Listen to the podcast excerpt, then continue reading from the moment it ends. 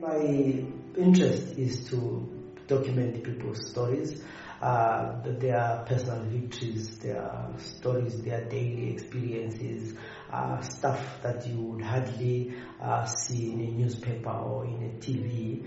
Um, most of the times, uh, we we follow a lot. I mean, journalism in Zimbabwe follows a lot of politicians and ignores the ordinary person in the street. I'm a qualified and practicing journalist holding um, Bachelor of Science Honours degree in Media and Journalism Studies from the National University of Science and Technology. I'm a photojournalist. I cover quite a number of uh, uh, bits uh, from courts, sport, uh, developmental issues, uh, health, to name but a few.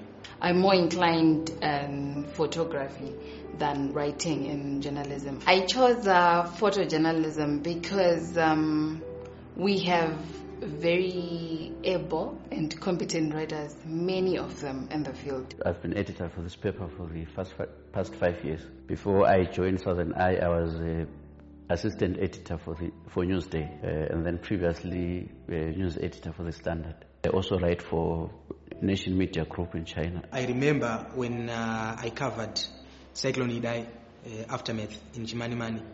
I didn't have uh, a car. It was raining. I remember. At some point, the car we were in uh, had a breakdown, and we had to put up it some house. We didn't know the people. We just, you know, spoke to them and asked if we could put up for the night and uh, continue the following day. I remember walking 40 kilometers on foot. I remember I had my drone and I had my equipment and I had my clothes as well on me and it was it was raining. The profession is a risky one. It's a dangerous one. The worst uh, the, that I've faced uh, is being beaten up by police. There's a woman officer who actually pointed at me and said, That is a camera person. She wants to expose this. And then they came after me. Three men and that woman. And they beat me up for doing my job. When, when I started doing documentaries on Gukurahundi, you know, the moment you say Gukurahundi, people will run away from you. People went, went scared. The day before releasing the documentary, the police said we didn't have the uh, letter from the censorship board, so we could not go ahead with the launch.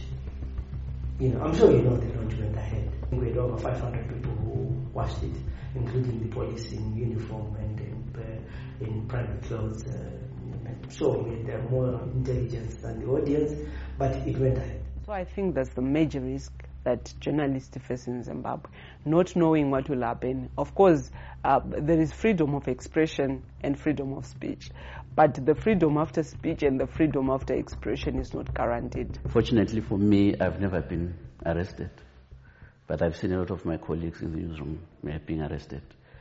Uh, being arrested for stories that I could I, I would have uh, approved or handled as a news editor. So it also it, it will affect me because I will have been the one who passed the story and then someone gets arrested for it. I've always refused to talk about those things, but because I don't want to give them credit for that. To me, it was just a non-event. Resilience is when you are able to continue working, even as a journalist, in a, an environment like ours, where on a daily basis uh, you witness harassment of journalists, you witness arrests of journalists.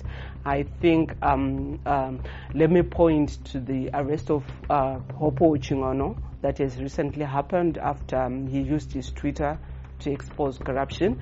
Let me also point to the arrest of uh, journalists like Frank Chikowore, Sam Takawira, who were recently acquitted by the courts, but he had spent five days in, in jail simply for, for going to a hospital in Waterfalls where they were covering, um, where they were interviewing some uh, MDC activists that had alleged abduction. Uh, the media has been under siege since 1980. Uh, you uh, remember that uh, between 1983 and 1987, during Gukurahundi, journalists were not allowed to go out and cover Gukurahundi. So a lot of stories about Gukurahundi they were not uh, covered. So there is nothing that has changed. We have seen that sometimes, even when we have progressive laws, sometimes even when we have a progressive constitution, there are people that may not follow or may not abide by those laws and still arrest a journalist. You also get people that will try to compromise your journalists. Uh, they might use even money to compromise them. Uh, they might use uh, your uh, colleagues to try maybe even spy on you. Uh, so it's a whole lot of challenges that we that we face. Uh, the weaponization of uh, legal instruments, uh, denial of licenses, uh, and even maybe being removed from from the register, being kept by the Zimbabwe Media Commission.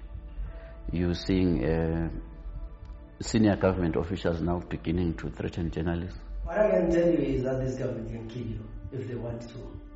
They have done it before. They killed over 20,000 people in in the They've killed since 1980. So, I mean, the latest experiences of Opel Tumona and the other guys will tell you what this, this government is capable, it's a mafia. So they're capable of killing you. So they, they just don't care about freedom of speech.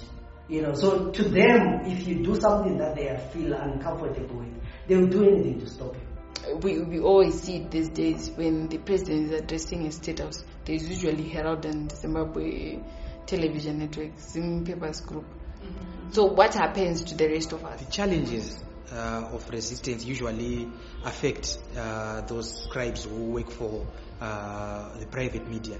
From when I started working for state media, truth being said, I, I have not faced any challenges. There are things that uh, are within our control uh, like making sure that when we deploy journalists, uh, well, they go to safer places uh, where they are not vulnerable, where they cannot be attacked.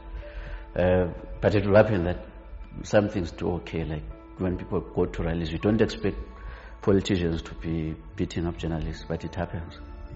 But where, where we can, we try to make sure that our journalists are safe. MISA Zimbabwe is generally there to fight for media freedom, freedom of expression, and digital rights.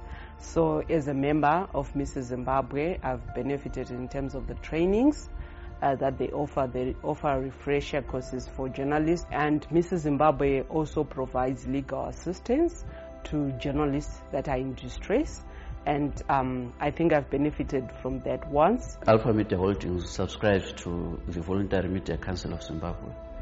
Uh, it's a, I, I will say it's a like self-policing by the by the industry, uh, where there are people have, when they have complaints about uh, maybe they feel their their stories are not handled properly, they can complain to the media voluntary media council, which then mediates between the media organization and the offended parties.